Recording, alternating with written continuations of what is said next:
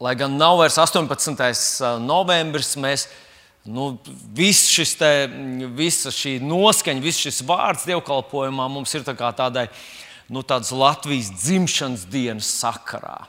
Un es apsveicu tevi, tavai valstī ir 104. Un man šķiet, ka tas ir svarīgi apzināties, ka valsts nav prezidentam, premjeram, ministru kabinetam, tām nu, parlamentam vai saimai, nu, vai saim, saimas, laikam, es nezinu, vai tas ir vīriešu vai sieviešu dzimtas, nu vienalga, nu, valodnieki noteikti labāk to zina, bet tas nav kādam citam tā valsts. Tā ir tava valsts. Tev tā ir dota. Un bez šaubām, kā no visām svētībām, mēs varam no tās atkratīties nost un teikt, ko tad es man jau, kur labi tur dzimtene. Atcerieties, bija tāds, tāds pārnots teiciens, man pasasildīties, paēst, un, un man vairāk neko nevajag. Bet uh, es gribu atgādināt, ka šī ir tā vieta, kur ir tavas saknes, kur tu tiki uh, veidots, kur tā bagāža, kas tevī ir, tev ir, tā ir šeit radīta, šeit tā ir sakrāta. Un, Nu, kāds dienas atpakaļ gan es lasīju Salamāna stāstu, un tad lasīju Bībelē, un tad lasīju Salamāna dēla stāstu, Rehabeāms. Un tad mēs, es lasu tur tādas interesantas lietas, kuras arī noteikti to esmu lasījis. Un tās ir, ka Rehabeāms visu salaida grīstē. Viņš bija, viņa tēvs bija visgudrākais. Un viņš neko nemācījās. No viņa vectēvs bija leģendārā personība, vīrs pēc dieva sirds, Dārvids. Bet mazdēls neko no tā nebija nu, iemācījies un izdarījis kaut kādus gudrus secinājumus. Un tas, tas brīžiem, ziniet, tas nav attaisnojums, ka tu sāc visu no jauna un nenovērties savu tēvu un māti. Dieva skatījumā Tā ir, tā ir dumja rīcība. Ja Dievs ir kaut ko uzticējis mūsu tēvam un mātei, viņš paģēra, viņš vēlas, lai mēs kā bērni rīkojamies gudri, godājam savu tēvu un māti un paņemam no viņiem tās lielās dzīves mācības. Lai mēs tās varētu turpināt, lai mēs to kāpumu, kur mūsu vecāki ar, ar tādu lielu uzdrīkstēšanos, lielu drosmi, varbūt riskējot ar visu, ir panākuši, uzticoties Dievam, lai mēs to turpinām. Bet tā tad par šo rehabējām, kad viņš visu salaid grīstē, tad Dievs saka tādus vārdus. Kaut arī viņš visu ir salaidis grīstē, es neatņemšu, es, es, es saviem vārdiem saku, es neatņemšu viņam troni viņa vectēva Dāvida Un es tā pie sevis arī domāju, jā, interesanti, cik daudz svētības manā dzīvē. Dažreiz mums liekas, tu kaut ko izdarīji pareizi, un tāpēc tev nu, tagad, tagad, nu, tev, tagad tu taču tas ir tavs sasniegums. Bet, ja nu, ja nu Dievs tev teikt, bet tas, kas ir tavā dzīvē, ir tava tēva dēļ. Un tāpēc es gribu teikt, ka pirms tu piedzimi šajā pasaulē, pirms tu sāki elpot, pirms tu apzinājies sevi un sāki pieņemt savus lēmumus, pareizus vai nepareizus, daudz kas pirms tam ir jau ir sagādāts. Tavs tēvs, tavs vecais tēvs, tavs vecmāma, tavs vecmāma, senči pirms tevis ir gājuši pa šo uh, pasauli, staigājuši, pieņēmuši savus lēmumus, cīnījušies savus cīņas dzīvojuši ļoti grūtos un ļoti, ļoti grūtos laikos. Un atstājuši kaut ko te. Ja tā ir svētība, mīļais draugs, mēs ar tevi, tevi esam aicināti nelauzt šo līniju, bet nodot arī tālāk svētību.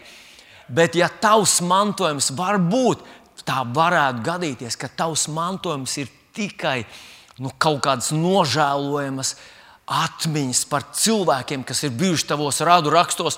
Un vienīgais, ko viņi ir atstājuši, ir kaut kādas sapostītas laulības, nodevības un caurkrišanas. Un mēs varētu to nosaukt nu, tā kā tādu nu, nesvētību. Tad tu esi tas, kurš var to apstādināt. Tu vari lauzt šo neveiksmu līniju pagriezt šo trajektoriju pilnīgi citā virzienā. Un, un es nezinu, Es nevaru iedomāties.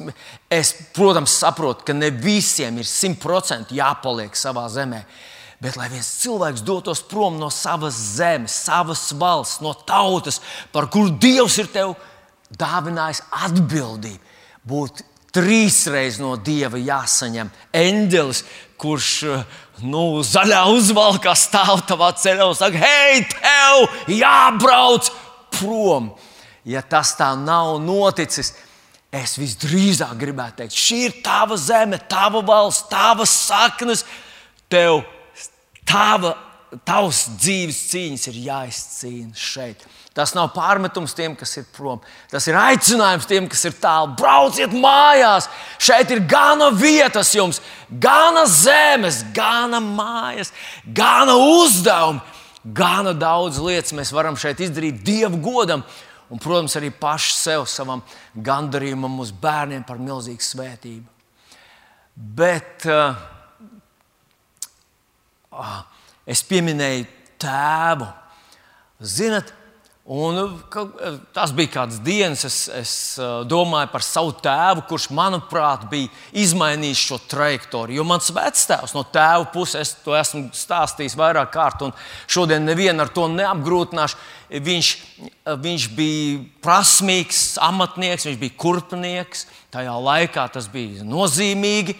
Nu, un, bet, nu, kā prasmīgi visi cilvēki ar zelta rokām viņu nodzirdīja. Viņš viņš nepretojās tam, viņš pļāvās tam, viņš faktiski kļuva par dzērāju. Un mana, mana vecā mamma, uh, Cecīlija, ja es pareizi atceros, viņas vārds bija. Viņa arī no sākuma gāja pa to ceļu, bet tad viņa uz dzelzceļa sliedēm, kur viņa bija grasījusies izdarīt pašnāvību.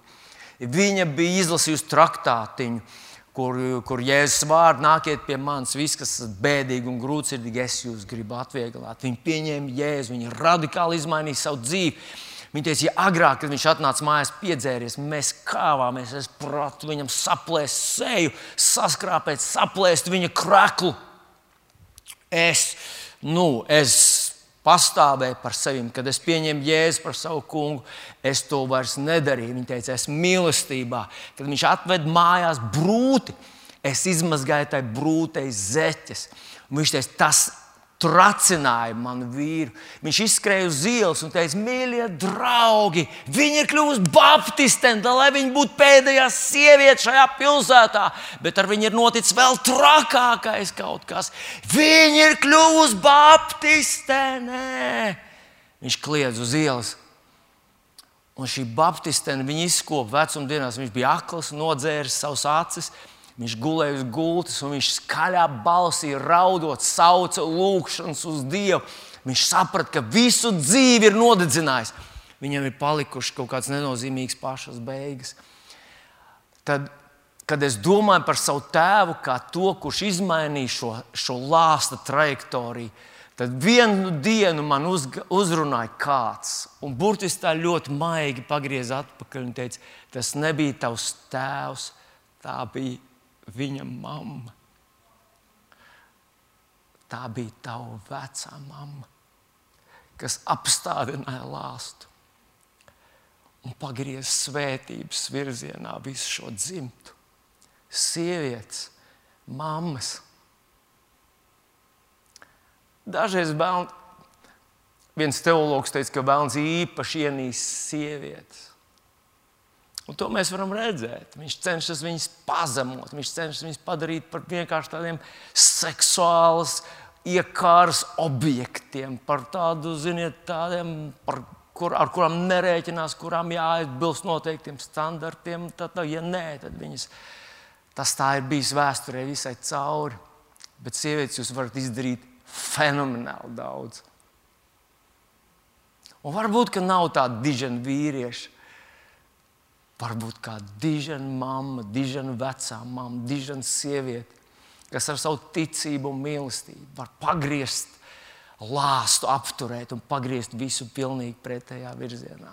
Es no visas sirds gribētu pateikt Dievam paldies par savu veco mammu, par savu māmiņu, par savu sieviņu, um, par savu sievas mammu, arī kurai mēs tikko nosvinējām 80 gadus. Un paldies Dievam par sievietēm un dievbijīgiem vīriem tāpat. Latvija ir mūsu zeme. Mums, tev un man dāvāta. Izmantosim to. Šajā, šajā te, uh, novembra mēnesī, kad no 18. kad visi svinēja un visi sūtīja viens otram apsveikumus, vienā mācītāja čatā viens nelatviskas izcelsmes mācītājs uzrakstīja tādus vārdus: Lūksim, lai Dievs svētī Latviju.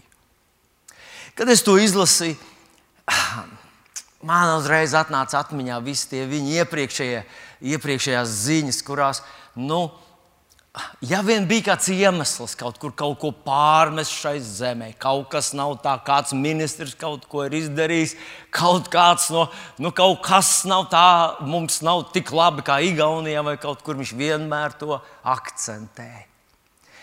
Un man gandrīz gribējās viņam atbildēt, hei, ne jau Dievs ir tas, kurš nesvētīja Latviju kaut tu varētu svētīt Latviju. Ja mēs ar tevi sāktu svētīt Latviju, ja mēs sāktu pateikties par to, ja mēs sāktu saskatīt viņā labo, iespējams, ka mūsu Latvija paceltos spārnos, un, un tas, kas mums šobrīd visu laiku neizdodas, un, un mēs domājam, ka ar to savu to kritiku, ar to savu pirkstu kratīšanu, mēs taču savus bērnus padarījām labākus, vai ne? Un mēs jums tur nekas neesi un tu neko nevari. Tu esi tāds pats kā tava mamma. Kad viņi nav klāti, nešaubamies, tur sākam kaut kā tam līdzīga. Mēs taču visu izmainījām, mēs taču palīdzējām viņiem. Nē, protams, ka tas tā nav. Kaut mēs varētu svētīt Latviju. Un es atceros, kopš ēdienas dārza, kad Dievs sacīja cilvēkam, tu valdi. Dievs un Vēlns savus darbus šajā pasaulē dara caur cilvēkiem. Latviju svētī cilvēki, Latviju ievada saulītē cilvēki, un Latviju pazudina cilvēki, un vēlnu darbus dara cilvēki. Un, ziniet, man radās tāda doma, tāds jautājums. Ļoti interesanti, cik vai kas ir tie cilvēki, tie nozīmīgākie cilvēki priekš mūsu valsts. Kas būtu tie cilvēki, kas kurus mēs varētu tādā nosacītā sarakstā sarakstīt, tie ir tie, kas ir svētījuši nu, Latviju. Un es rīkojos tieši tāpat kā tu. Daudz nedomājot, vienkārši apsēdos pie datora un ierakstīju Latvijai simts nozīmīgākie cilvēki. Un izrādījās, ka tāds saraksts ir. 2004. gadā Latvijas avīze un internetu portāls Apollo veids aptauju. Kas ir visu laiku visnozīmīgākie simts cilvēki Latvijai? Kas tie tādi ir? Droši vien, ka tu to zini, tas jau 2004. gadā tika no, nu, izveidots tāds saraksts, un kopš tā, kopš tā 2004. gada mēs katru gadu pārlasām viņu un meklējam, vai tur neparādīsies mūsu vārds vai ne. Nu, kas tad Ko tu liktu pirmajā vietā, kā pirmo cilvēku, kurš ir visu laiku nozīmīgākais cilvēks Latvijai? Izrādās, ka tajā sarakstā ierakstīts Krišjāņa barona vārds. Nu, mēs zinām, ka Krišjāns barons bija slavens, viņam bija skats. Viņš gan, cik zināms, neiznāca no tā skāpja, viņš kaut ko glabāja tajā skāpī. Bet nu, tā tad tas saraksts visnozīmīgākais cilvēks, ir Krišāns Barons. Kā otrais numurs, es nelasīšu visus, bet tikai mazliet dažus vārdus un uzvārdus nosaukšu, vienkārši nu, ilustrācijai. Kas tad bija otrs? Otrs, protams, ir Kārlis Ulmans. Daži politiķi viņu kritizē, viņš tur ir tāds un tāds, viņš tur kaut ko apvērsumu izveidoja, bet cilvēki ierindo viņu kā otro persona, visnozīmīgākais cilvēks visos laikos, Kārls Ulmans. Trešais ir Rudolfs Blaumans, pēc tam Jānis Čakste ir Latvijas pirmais prezidents. Pēc pirmā prezidenta, ja nemaldos, Vaira Vīķa Freiberga, ja nemaldos, ir Latvijas piektais, sestā prezidenta. Tad mēs lasām, atkal tur ir Oskars Kalpaks, Kārlis Zāle. Devītais ir Rainis. Desmitais ir Raimons. Kurš? Raimons Pauls ir desmitais saraksts. Tad mēs lasām, tur ir Evalds Valters, tur ir Pauls Strādiņš, tur ir vēl un vēl un vēl cilvēki. Bet tad man ienāca prātā, mēs tikko dzirdējām par misionāru un mācītāju Viljamu Fetleru. Es domāju, nu, kurš, kur, kurā kategorijā vai kurā vietā parādīsies nu, kāds mācītājs. 29. ir Uljana Simjonova. Nu, jaunieši droši vien nezina, viņa ir grozs bumbas meistare. Un, un, um, kad vienreiz man gadījās, uh, vēl vecos laikos, sastapt viņu tramvajā, viņa nejūtās labi, jo tramvajā viņa stāvēja tā saliekusies, jo viņa bija tramvaja griezti bija par zemu. Tāda slavena Latvijas basketboliste 29. vietā. 32. vietā ir kāds cilvēks, nu, kādreiz mēs sakām, parasti mēs reiz atzīmējam, kāds sportists, kurš ātri skrien. Bet šis cilvēks ir tāds, kurš ātri soļoja, ātri staigāja. Jānis Daliņš, 32. vieta. Bet kur tad ir kāds mācītājs? Vai ir kāds mācītājs? 43. vieta ir Artūram Irbam. Arthurs Irba, kā mēs zinām, ķēra ripas, labi ķēra ripas, tu esi 43. vietā. Beig beigās 50. numurs ir Kāds, kurš apzīmēts ar vārdu pēc profesijas garīdznieki. 50. Kas ir garīdznieks? 50. vietā Juris Rubens. Es domāju, ka domas dalītos, ja mēs sāktu runāt par Juru Rubeņu personību, bet kad vienās lūkšanas brokastīs viņš nostādīja Jēzu līdz eh, vienā līnijā, vienā līmenī ar kurš tas bija ar uh, kurš tas bija, kur viņš nostādīja plēkus. Vai tas bija Indijas pretošanās kustības, Mahatma Gandijs? Nu, kad viņš var, varbūt tas bija kāds cits, un es viņu jaucu. Nu, tajā mirklī man likās, ka jūras ir izkāpis ārā no savu garīdznieku kurpēm. Viņš ir pār, kļuvis par kaut ko citu. Un nu, es domāju, vai nav vēl kāds tāds īsts, īsts tāds dievu vīrs. Un es lasu tālāk, te ir Viļņš Plūdons, Emīls Melngans, Jānis Balodis, te ir Gunārs Astra un visi ļoti slaveni uzvārdi, Gunārs Cilinskis un tā tālāk. Te ir mocīšu braucējs, Kristers Serģis ir 70. vietā. No, tā kā, ja tu, ja tu labi brauc ar mocītu, tu vari tikt starp Latvijas nozīmīgākajām personībām. Nu, mēs zinām, viņš brauc ar blakusvāju. Tas nav tik vienkārši. Kristers Serģis ir vairāk kārtējs pasaules čempions. Jā, es zinu, kas viņš ir, visu cieņu pret viņu, bet viņš ir 70. vietā. Beigu beigās 75. vietā ir kāds, kur, manuprāt, ir nepelnīti tālu atbīdīts nost. Un tas ir arhibīskaps Jānis Vana. Nu, ja man kāds būtu pajautājis, es vismaz šos divus garīdzniekus būtu samainījis vietām, noteikti būtu viņu ielicis pirms uh, Jūra Rubeņa. Jo tās reizes, kad valsts svētkos arhibīskaps Jānis Vanaks uzrunā, nu, man liekas, ja vien, ja vien viņam nevajadzētu ievērot nu, tās visas tās valstiskās normas un tās visas tās politkorektās tās prasmes, viņš Viņš runā tik spēcīgi, iespējams, ka, ja valsts vīri, tie, kas tur sēž, teiktu āmen un kaut ko ņemtu vērā no tā. Nu, un es droši, droši vienā kādreiz mēs sarakstījāmies ar arhibīskapu Jānu. Es uzdrīkstos viņam uzrakstīt, ka bez viņa kalpošanas, bez viņa figūras un viņa devuma Latvija noteikti būtu tumšāka un vēsāka vieta. Nezinu, vai jūs man piekritīsiet vai nē, bet manuprāt, beidzot ir viens no nu, dievu vīrs, arhibīskaps Jānis Vanaks. Un tad mēs lasām tālāk, un tālāk, un tālāk. Un tur, ir, tur ir atkal kādi sportisti, atkal kādi literāti, izdevēji, rakstnieki, mūziķi. Tur ir vēl un vēl Vilis Lācis, 92. vieta. Un tad ir vēl un vēl Edva, Eduards. Eduards, tas, kurš mēs visi zinām, ir zemes, nav taisnības. viņš sacīja. Un viņš, viņš bija bīlies nu, dievā laikam vai mācītājs. Vai, nu, es nezinu. Tas, kurš ir Veidenbaums, ir 97. vietā. Es viņu arī uz augšu neceltu nekādā gadījumā.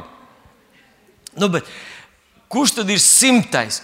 99. ir Jānis Zābers. Viņa, ah, viņš kopēja Walteru jau toreiz, kad Walters dzied, man tas atgādina Jānis Zāberu to, pasakainu, saldo tenoru, mīļo balstiņu. Es domāju, ka gadiem ilgi bērni aizmiga klausoties zābera to uh, miega dziesmiņu. Nu, kas tad ir simtais? Jurjāna Andrejs vai Andrejs Jurjāns, komponists. Nu, jā, neko daudz no mūzikas tā ļoti nesaprotu, bet, bet uh, simtajā vietā ir šis cilvēks. Kad es izlasīju šo sarakstu vairāk kārt pēc kārtas, un man kā likās, jā, jā, jā, tie cilvēki ir nozīmīgi, talantīgi, viņi ir smagi strādājuši, daudz devuši, riskējuši ar savām dzīvībām. Un šeit es gribu pieminēt to pašu Kristēnu Sērģi. Tas ir smags darbs, braukt ar krosa motociklu ir ļoti smags darbs. Paskatieties uz labākiem Latvijas krosistiem. Viņi lauž kājas, ribas, mm, nu, nezinu, mugurkauls. Viss kaut kas tas ir ļoti traumatisks sporta veids, bet cilvēki tajā nu, atdod savus dzīves, un viņi sasniedz augstus rādītājus un medaļas. Un tā, tā. Tas, protams, ir atzīstami. Bet kaut kas, manuprāt, pietrūks. Kaut kas, manuprāt, pietrūks. Un jo īpaši pietrūks tad, kad Ja tu tā kā mazliet smalkāk paskaties uz Latvijas vēsturi, protams, Latvijas diena ir jā, jā 18. novembrī uh, deklarācija, 18. gada 18. novembrī deklarācija, jā, Latvija tika pasludināta, bet kas tad bija pirms tam? Un tad mēs nonākam līdz Hernhūtiešiem, līdz brāļu draugiem. Mēs šajā iepriekšējā nedēļā mūsu Latvijas jaunajā Nacionālajā bibliotekā bijām aizgājuši. Tur ir ekspozīcija brāļu draugu o, tieši tam fenomenam. Un tad jums, ja jūs aiziesiet tur, tie cilvēki, kas nav mācīti, jums stāstīs par latviešu tautas izcelšanos, kultūras, inteliģenci, kā sākās rakstniecība, kā sākās tas, kas, ko mēs šodien varam nosaukt par komponistus, zinātniekus, politiķus un tā tālāk. Kur tas sākās? Un izrādās, tas sākās draudzē. Tur sākās rakstīt, pierakstīt, tur sākās prediķošana. Tur Latvieši sāk attīstīt to savu autentisko, sākotnējo kultūru, mākslu, dievbijību. Tur tas sākās piecus gadus, tūkstoši cilvēku. Un ziniet, kas ir interesanti? Ka tajā laikā standarti bija tik augsti, ka tajā laikā tu varēji kļūt par brāļa draugu locekli. Kas tev bija jāizdara? Un tur bija vairākas prasības. Tev bija jāpieņem jēzus par savu kungu, patiesi jānododas, patiesi jākļūst par jēzus mācekli, bet tu to nevarēji izdarīt, ja tu nemācīji lasīt un rakstīt. Nu, kā tu vari būt jēzus māceklis, tu nevari lasīt viņu vārdu? Tev jāiemācās lasīt. Tā kā, lai tu nu, kļūtu par ticīgu draugu cilvēku, tev bija jākļūst par nu, tajā laikā. Tas bija jau inteliģents, kurš mācīja lasīt un rakstīt. Tur sākās Latvija. Kur sākās? Draudzē. Un tāpēc šis saraksts man kaut kā likās, nu, kaut kā, nu, kā neatbilstošs. Un tad ziniet, kas man nāca prātā?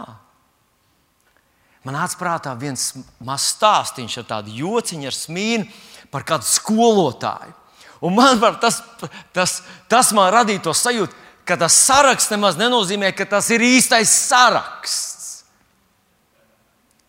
ka varbūt ir cits kāds saraksts.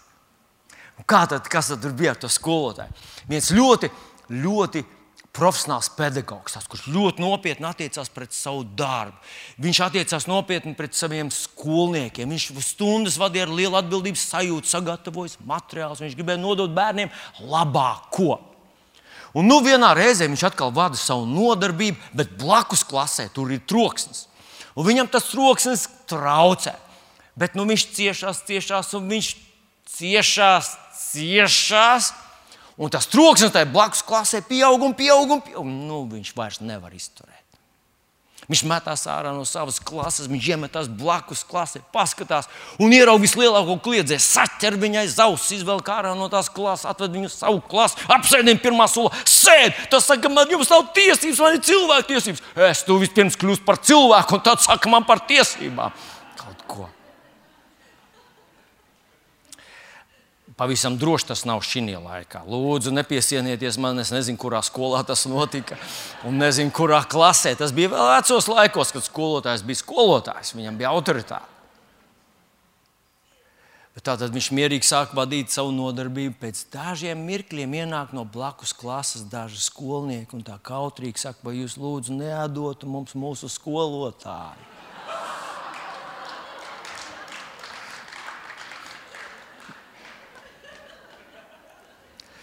Un, un, un, tas man radīja tādu sajūtu, ka nu, saraksts ir, bet iespējams, ka tas, nu, tas ka tev ir nu, nosaukts par sarakstu, varbūt tas nemaz nav īstais saraksts, varbūt dievam ir savs saraksts.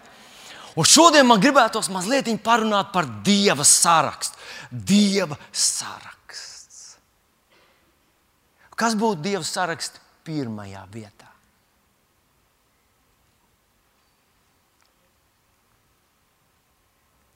Te ļoti kāds drosmīgi jau pateica, tas būtu Jēzus. Vai Latvijā arī tas būtu Jēzus? Es esmu drošs, ka tas noteikti būtu Jēzus. Vēsturē, vēstulē Filipiešiem otrajā nodaļā apelsīns Pāvils mums raksta 8 un 9 pantu.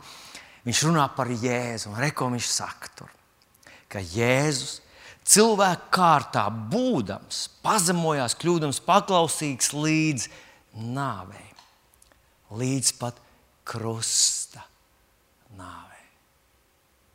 Cilvēka kārtā būdams, tātad viņš kļuva par simtprocentīgu cilvēku. Tajā viņš pazemojās. Kādreiz mēs domājam, lai mēs, lai mēs kļūtu par kaut ko nopietnu, mums ir nu, jāizgriež kļūdas un jāsaka, es!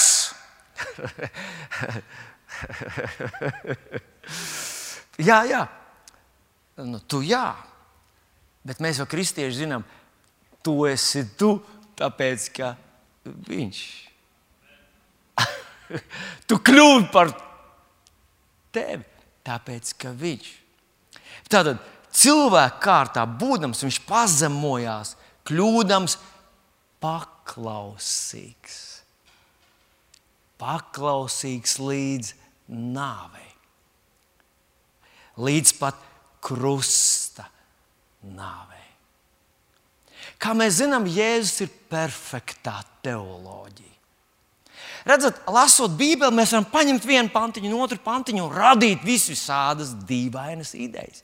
Jā, Bībele ir tāda grāmata, ka tu vari paņemt vienu pantiņu un pamatot da jebko. Tāpēc Bībele vienmēr ir jāskata komplekss. Bet raugoties uz Jēzu, tu redzi to Bībeles teoriju praksē, kā tas darbojas, kā to ir jāsaprot un kā ir jādara. Un par Jēzu apelsīns Pāvils saka, ka viņš pazemojās, kļūdams paklausīgs līdz nāvei, līdz pat krusta nāvei. Devītais pāns. Tāpēc arī Dievs viņu ļoti paaugstinājis un dāvinājis viņam vārdu pāri visiem. Tad, ja tas ir kāds saraksts, tad saraksts paša pirmā pozīcija ir Jēzum Kristum. Dosim viņam aplausu!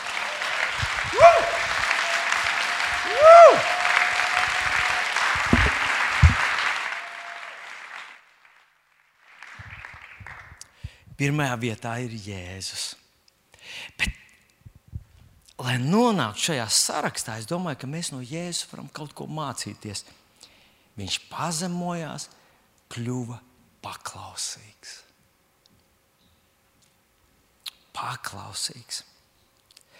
Iepriekšējā svētdienā mums bija brīnumains un brīnišķīgs vārds, kurš prasījās pēc tā tāda mazliet pārdomām. Un Dārvids runāja par tēmu, ka ticība no nedzīvas ticības kļūst par dzīvu ticību. Tas ir bezdibens, starp to ir bezdibens.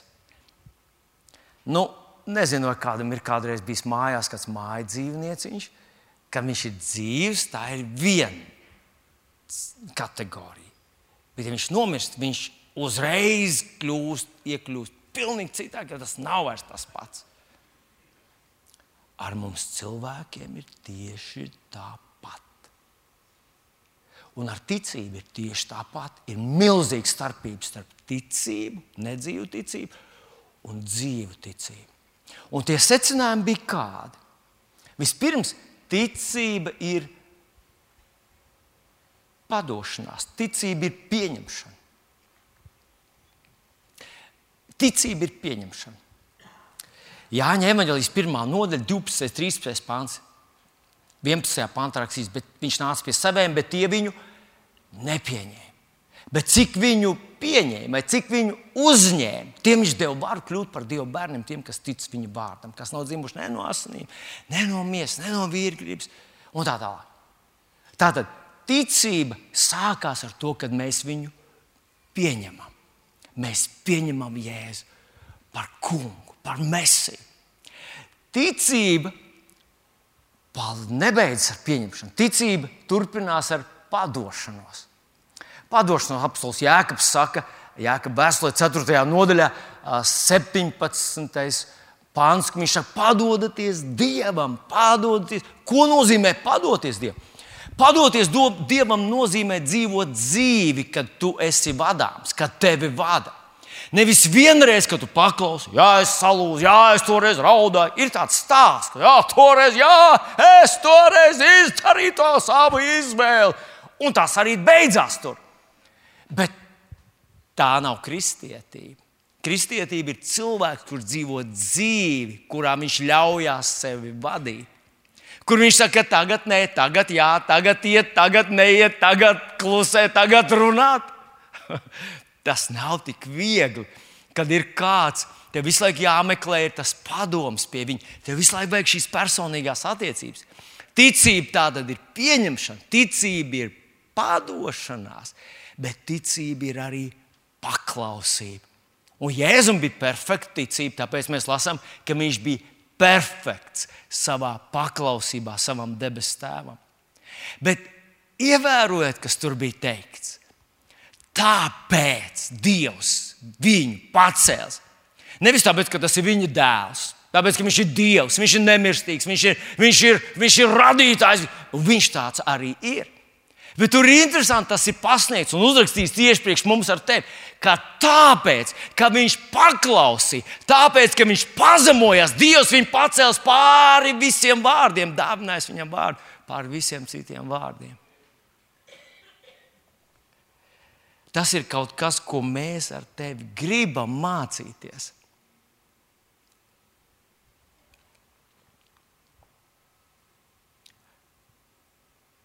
Mēs ar tevi gribam to mācīties. Tagad, mans mīļais brāl, māsa, padomāsim tādu vienu nu, nepopulāru domu. Vai var būt tā, ka Dievs kurš tātad savu gribu un savu prātu šajā pasaulē dara caur cilvēkiem. Tā pati jau liekas nu, tāda mazliet tāda kontroversāla, bet no nu, tā, viņš dara visu, ko grib. Viss pasaulē, kas notiek, notiek tā, kā Dievs to grib. Mēs ar jums zinām, kaut vai uzzinām kaut ko, kas notiek Ukrajinā. Mēs zinām, ka Dievs nedara to. Tas nav Dievs. Nu jā, bet Dievs kontrolē. Kurā vietā viņš kontrolē? Ja Dievs kaut cik būtu apņēmies kontrolēt, tad visi tie lādiņi varbūt kristu kādā vientuļā, vienā mazā mājā, kur dzīvo 97 gadu vecs pensionārs, viens pats, un kaķis arī jau ir uz miršanu. Jau. Nu, tur varbūt varētu iekrist. Bet Dievs nav apņēmies to darīt. Viņš ir iedevis cilvēkam varu, dari to, ko tu gribi darīt. Un vēlams meklē cilvēkus, kurus viņš var izmantot, un Dievs meklē cilvēkus, kurus viņš var izmantot. Bet tagad es gribu pajautāt tev, vai var būt tāda situācija, vai ir iespējama situācija, ka Dievs neatrod cilvēku, kuru lietot?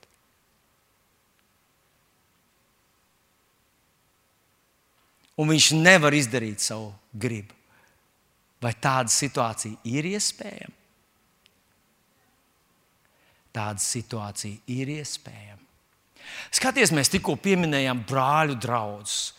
Un kad tur, tur tie, tie eksperti stāsta par tūkstošiem, ka divi tūkstoši cilvēku sanāca, trīs tūkstoši cilvēku sanāca uz brīvdabas dievkalpojumu. Tur nelielā mājā sanāca tūkstoši cilvēku.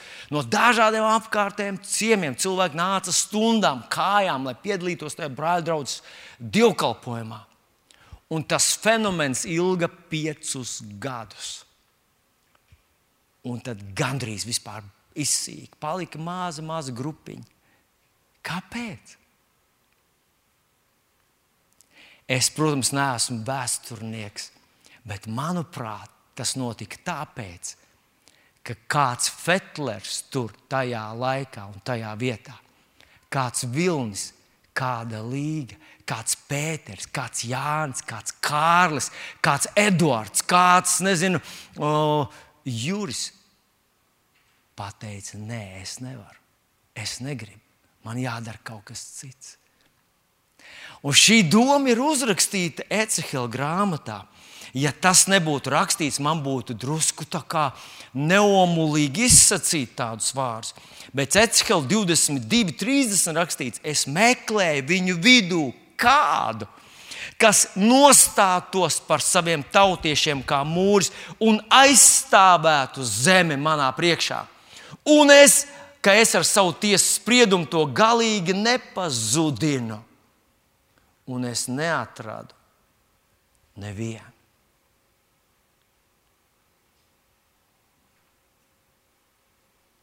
Tautai, kurā nav mācītāju, nav evaņģēlistu, nav cilvēku, kas uzdrošinātos iziet uz ielas un sākt runāt par kungu jēzu. Tādai tautai nav nākotnes. Ja visi sēž mājās, Visi tikai jūsmo par to, ka iet uz debesīm. Visi tikai sevi mīl, Dievs man mīl, un tāpēc Viņš taču neliks man iet ārā ziemā. Viņš taču neliks man iet un runāt ar cilvēkiem, kuri man negrib dzirdēt. Viņš taču man nesūtīs tur, kur sūtīs savu dēlu. Mani taču viņš nesūtīs. Mēs esam lielāki par savu kungu palikuši. Mēs negribam uzņemties nekādas tādas grūtības tādai tautai nav nākotnes. Īstenībā Dieva sarakstā, ja Jēzus ir pirmā vietā, tad pēc tam otrā, trešā, ceturtā vieta noteikti ir kādi latviešu vārdi, latviešu vārdi, kur mums nav zināmi nepazīstami vārdi, kas uzdrošinājās, riskēja, gāja. Viņiem nedēļa ordeņus, nedēļa krustus, viņus nerakstīja sarakstos, viņiem neaplaudēja, bet viņi bija tie, kas stāvēja Dievu priekšā par savu tautu un nesa evaņģēlīju bez žēlastības, piedošanas vēstu. Un kad viņi tur sludināja, tad cilvēki pieņēma, kāds atraidīja, bet kāds pieņēma. Kungs, paldies Tev, ka Tu esi atradis Latvijā kādus tādus cilvēkus, kas Tev noticēja un Tev paklausīja. Un tagad, mīļie, mani brāļi un māsas, šai rītā man ļoti liels prieks jūs redzēt. Man katrs no jums esat ļoti nu, mīļš manai sirdī. Un, lai gan es Laikam nevarētu daudz neko pateikt par lielāko, lielāko daļu no jums. Iespējams, ka jauc jūsu vārdu ar kādu citu. Man ir kādreiz tā uh, sagadījies, ka es kādam ar, ar kādu no bērniem runāju. Mamma un tēvs ir tie un tie. Viņš saka, nē. Nē, kas tu nezini, kas ir mans mamma un. Un es saku, tu izskaties ļoti līdzīgs tur tai ģimenei. Nē, es neesmu no viņiem, es esmu no citiem. Man ļoti gribas pateikt, ka tu esi man ļoti dārgs un nozīmīgs.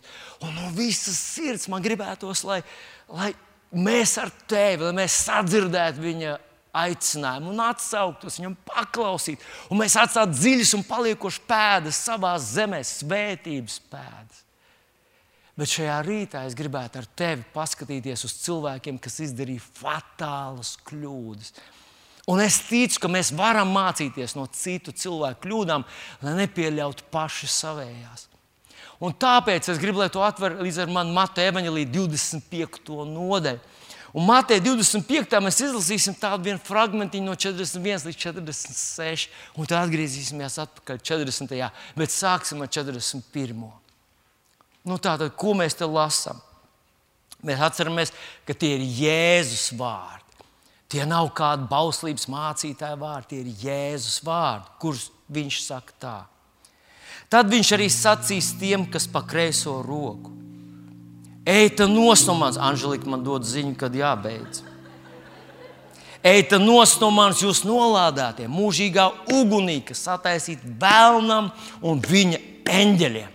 Kāds brīnišķīgs pants, vai ne? Kas tur ir brīnišķīgs? Ka viņš pasaka, kam ir sataisīts mūžīgā uguns. Tā nav cilvēkiem. Tā nav cilvēkiem. Tā ir vēlnam un viņa eņģeļiem. Halleluja! Daži cilvēki ielaužās svešās sēdvietās, bet mums ar tevi tur nav jāiet. Viņš sacīs tiem, kas pa kreiso roku ejiet prom uz to uguni, kas nav jums gatavot, bet jūs to esat izvēlējušies. Mēs lasām tālāk, 42. pāns. Jo es biju izsalcis, jūs nesat man paēdinājuši. Es biju izslāpis, jūs nesat man dzirdinājuši. Es biju svešinieks, jūs nesat man uzņēmuši. Es biju pliks, jūs nesat man apģērbuši. Es biju slims un cietumā, un jūs nesat mani apmeklējuši. Es zinu, ka jūs jau esat izlasījuši arī tālāk, un varbūt jūs pie sevis uzdevāt jautājumu, kas tas ir. Faktiski šie cilvēki tika aizsūtīti pazušanā par lietām, kuras nav darījuši. Atcerieties to skolnieku, kurš prasa skolotāju, vai cilvēku var sodīt par to, ko viņš nav izdarījis. Un skolotāji paturot prātā konstitūciju, saka, nē, tā dara tikai totalitārās valstīs. Ļoti labi, saka skolnieks, es mājas darbu neizpildīju. Mēs dzīvojam demokrātijā. Vai šie cilvēki aizsūtīti pazušanā par to, ko nav darījuši? Kāpēc? Kāpēc tik traģisks liktenis?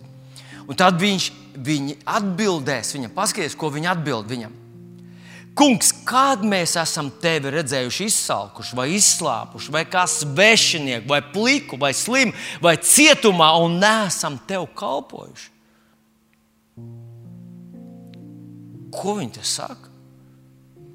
Vai viņi cenšas pateikt, ka viņi savā dzīvē tādas situācijas nav sastapušies ar tādām situācijām? Nē, viņi tā nesaka. Viņi saka, mēs neesam redzējuši Dievu kurš mums prasa ēst. Mēs neesam redzējuši Dievu, kurš saka, es esmu kails, man vajadzētu apģērbties, es jums atmaksāšu. Nē, viņi saka, mēs neesam redzējuši Dievu cietumā, mēs neesam redzējuši Dievu slimu. Mēs noteikti būtu reaģējuši pozitīvi. Pasaulē absolūti lielākā daļa cilvēku, ja viņi būtu saskārušies uz ielas ar Jēzu Kristu, ieraudzījuši viņu viņa godībā, viņi būtu viņam palīdzējuši, būtu atsaukušies, paklausījuši, viņi būtu sekojuši viņam. Bet tās dieva dotās izdevības atnāca tik nepamanītas, tik ikdienišķas. Un Jēzus šeit atbild viņiem precīzi viņu pašu vārdiem. Es esmu pārliecināts par to, un es, man nav vienkārši laika, lai to šodien jums pierādītu. Tātad ko jūs nesat darījuši. 45. pantā, ko jūs nesat darījuši vienam no šiem vismazākajiem. Viņam likās nenozīmīgs tas izsalkušais, tas, tas, mm, tas uh, nosalušais, tas uh, izslāpušais, tas, kurš cietumā, tas, kurš ir slims. Viņam likās tik nenozīmīgi. Tie nabaga cilvēki, kas neko savā dzīvē nav sasnieguši, viņi ir tik daudz. Bet tur ir vēl kaut kas vēl vairāk. Viņa atraidīja Jēzu, nepieņēma viņu, nepadevās viņam, un tādēļ viņš šos cilvēkus atraidīja. Ticība faktiski, faktiski viņš tas saka viņiem, jūs neticējāt man, jūs nepieņēmāt, jūs nepadevāties, jūs atraidījāt mani. Un tāpēc jums jāiet prom, jo jūs esat atraidījuši glābēju un pestītāju. Mēs to redzam tajā otrajā stāstā par cilvēkiem, kas, kas bija iesaistījušies. Un mēs neizlasīsim visu to fragment, bet mēs to redzam 40. pantā, kur Jēzus viņiem saka tā. Tad ķēniņš atbildēs tiem, kas pa labo roku un saka, nākat šurp, jūs man tēvs vēdat. Tas bija iepriekšējā pantā, bet 40. rakstīts, Tad ķēniņš atbildēs, patiesi jūs, ko jūs esat darījuši vienam no šiem maniem vismazākajiem brāļiem.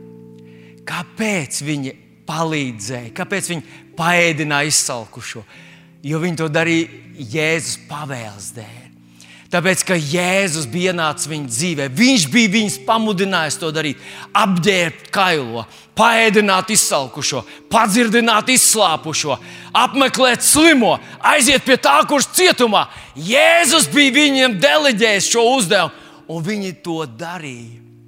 Bet tas tā lielā lieta, tā lielā lieta Viņi saka, kungs, mums nekad tā nekas dišs mūsu dzīvē, ne, nekāda diži uzdevuma mums netika dot.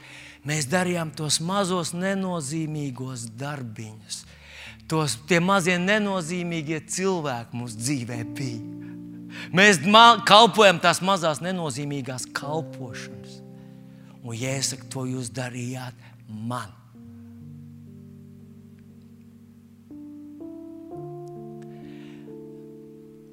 Tie, kas ir izsalkuši un, un neapģērbti, nav nenozīmīgi cilvēki. Ja mēs to darām Kunga Jēzus mīlestības vadīti, Viņa pavēles vadīti, ja mēs to darām Kunga Jēzus dēļ un Viņa vārdā, hei, tas pārvēršas par kaut ko absolūti nozīmīgu.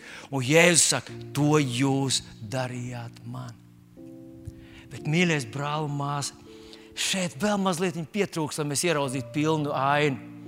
Un mums vēl ir jāizlasa vēl viens pants, kas uzrakstīts Daniela grāmatā, 12. nodaļā, 3. pantā.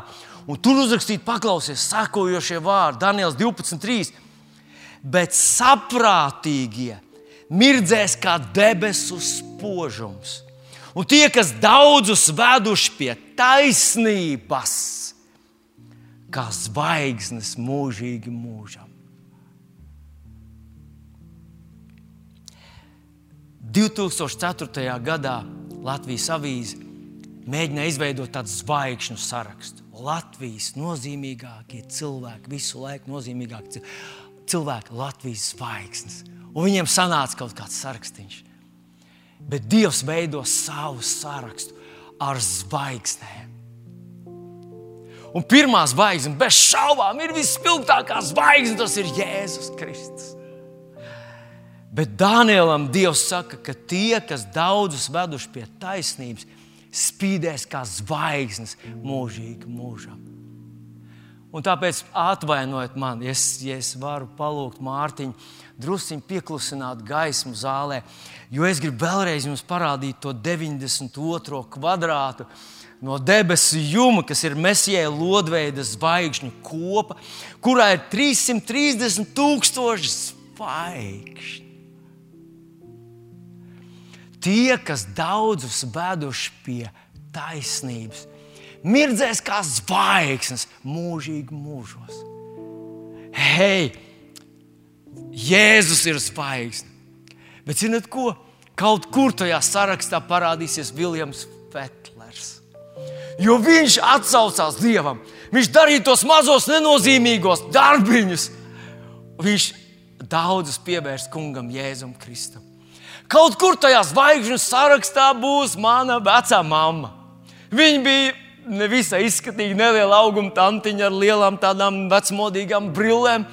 Bet viņi pieņēma jēzu par savu kungu. Viņi stāstīja visiem, un viņi pagrieza šo lāsta trajektoriju pilnīgi pretējā virzienā, pagrieza to dieva svētību virzienā. Kaut kur tur tajā sarakstā būs mans radinieks, bija tāds uh, Laimons Rudzīts. Viņš, ja tu redzēji, viņš nevarēja paiet garām nevienam cilvēkam, kad viņš nāca pa ielu, viņš satika kādu, un ja tas, tas bija bombzīts vai kāds dzērājs, vai vienalga kāds cilvēks, ja viņš bija gatavs viņu runāt par Dievu. Vaimons runāja, viņš bija sakopējis visas tādas rakstīņas, traktātiņas, viņš vienmēr deva grūdu. Viņš runāja ar cilvēkiem par glābēju, par mesiju. Viņš bija tas, kurš bija atsaucies šim jēzus aicinājumam, teikt, jā, es darīšu tos mazos, maznozīmīgos darbiņus. Un kaut kur tur, tajā sarakstā viņš ir, tajā zvaigžņu sarakstā viņš ir. Bet zini ko?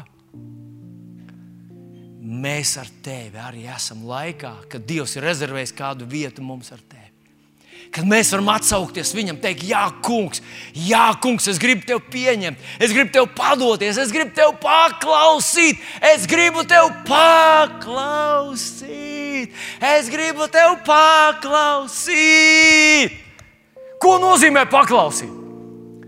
Paklausīt ir tad, kad tu dari nevis to, ko tu gribi, bet to, ko grib kāds cits. Paklausīt ir tad, kad tu nāc, tad, kad tevi sauc, nevis tad, kad tu gribi nākt. Kad tu ej prom, tad, kad tev liekiet prom, tad, kad tu dari to, ko tev teica darīt, un dari to ar prieku. Tā ir paklausība. Skolotāji grib, lai skolnieki viņam paklaus, jo pretējā gadījumā mēs atgrieztos skolā, kad mums jau ir 40. Bet nē, viņiem tad jā, jāmācās to, ko lika. Mēs mācāmies paklausīt no mazām dienām. Mums ir jāiemācās paklausīt savam dievam, padoties un paklausīt. Hei, Latvijai vajag tādas zvaigznes. Vispirms es gribu pateikties, ja es tā varu vienkārši izteikt pateicību mūsu senčiem, Jāņiem, Kārļiem, Pēteriem, nezinu, Arnoldiem, Līzetēm, Cecīlijām, Mildām un Matildēm un vēl kādu, nu, kāds latviešu vārdu vēl varam iedomāties. Cilvēkiem, kas teica, Jā, kungs, Jā, kungs! Es gribu, palīdzi man, es iešu un darīšu, ko tu man teici. Un kā mūsu senči gribētu, lai mēs ar tevi kļūstam par cilvēkiem, kas sakam, jā te es esmu. Ko tu gribi, lai es daru? Tāpēc, lai tā Viljama Fetlera vārds mums atkal un atkal atgādina. Ir bijuši talsnieki, kas ir gājuši pa priekšu, kas ir uzdrošinājušies, kas ir izdarījuši to, ko neizdarīja neviens cits. Kungs, draugi! Mēs esam atmodas nācija, mēs sākāmies atmodā. Kā būtu, ja mēs nobeigtu savu laiku nogriezni arī ar atmodu? Ar atmodu. Pa jaunam paskatīt uz saviem darbiem, uz saviem radiem, uz savu ģimeni, kuriem esam jau simtreiz teikuši. Mēs ar jaunu sāpju nākam Dievu priekšā un teikt, Kungs, uz, palīdz viņam, palīdz viņam, palīdz viņam. Tas, ka viņi ir pēduši, tas, ka viņi ir apģērbti, ir par maz, viņi iet pazušanā. Palīdzi viņiem! Un mēs sākam ar jaunu dedzību viņiem atkal atgādināt, ka viņiem ir jāizdara sava izvēle, ka viņi nezina, kā beigsies viņu dzīves laiks, ka ir iespējams, ka cilvēku dzīve beigsies tā, kā Ukrainā beidzās. Un padomājiet, mīļie draugi, cik daudz oligarhu Ukrainā pēkšņi vienā palika bez nekā pazaudēja visu. Cik daudz viņi būtu varējuši izdarīt ar tiem resursiem, kas viņiem bija, ko viņi bija sapelnījuši ar Dievu dotajām prasmēm, ja viņi būtu tos likuši lietā. Bet nu, viņi tos vienkārši pazaudēja. Un Ukraiņas notikumi, cik arī viņi neliktos mums šausmīgi un sāpīgi iet bojā cilvēki, viņi nepavairo nāvi. Viņi tikai pātrina viņu. Visi nomirst. Un kas no, tas nozīmīgais, kas ar viņiem notiek pēc tam. Mans mīļais brāl, māsa, es ticu, ka Dievs mūs uzrunā šodien. Šis var būt mūsu laiks. Mūsu laiks, kad viņš saka, es gribu aizdedzināt tevi, es gribu, lai tu esi mans sērkociņš, savu rādu starpā, savā dzimtā, to savu draugu pulkā. Tev nav jākļūst par, par tādu pajolīti, Kristus pajolīti, bet tev jākļūst par nopietnu misionāru pie tiem cilvēkiem, kuriem tu vari pieskarties ar Dieva mīlestību. Jo mēs nezinām, Mēs tiešām nezinām, cik daudz dienu mums vēl ir dots, cik daudz mierīgu debesu. Um, cik daudz dienas mierīgs debesis būs virs mūsu galvā, cik ilgi vēl tie cilvēki mums būs blakus. Mēs nezinām, mums ir jāizmanto laiks. Un man gribas teikt tos vārdus, ja nemaldos, apelsīns Pāvils saka, izmantojiet laiku, jo dienas ir ļaunas. Ar to viņš saka, ka laiks strādā pret mums. Laiks strādā pret mums. Mums ir jādara šodien to, ko varam izdarīt šodien. Nezinām, vai to varēs izdarīt rīt.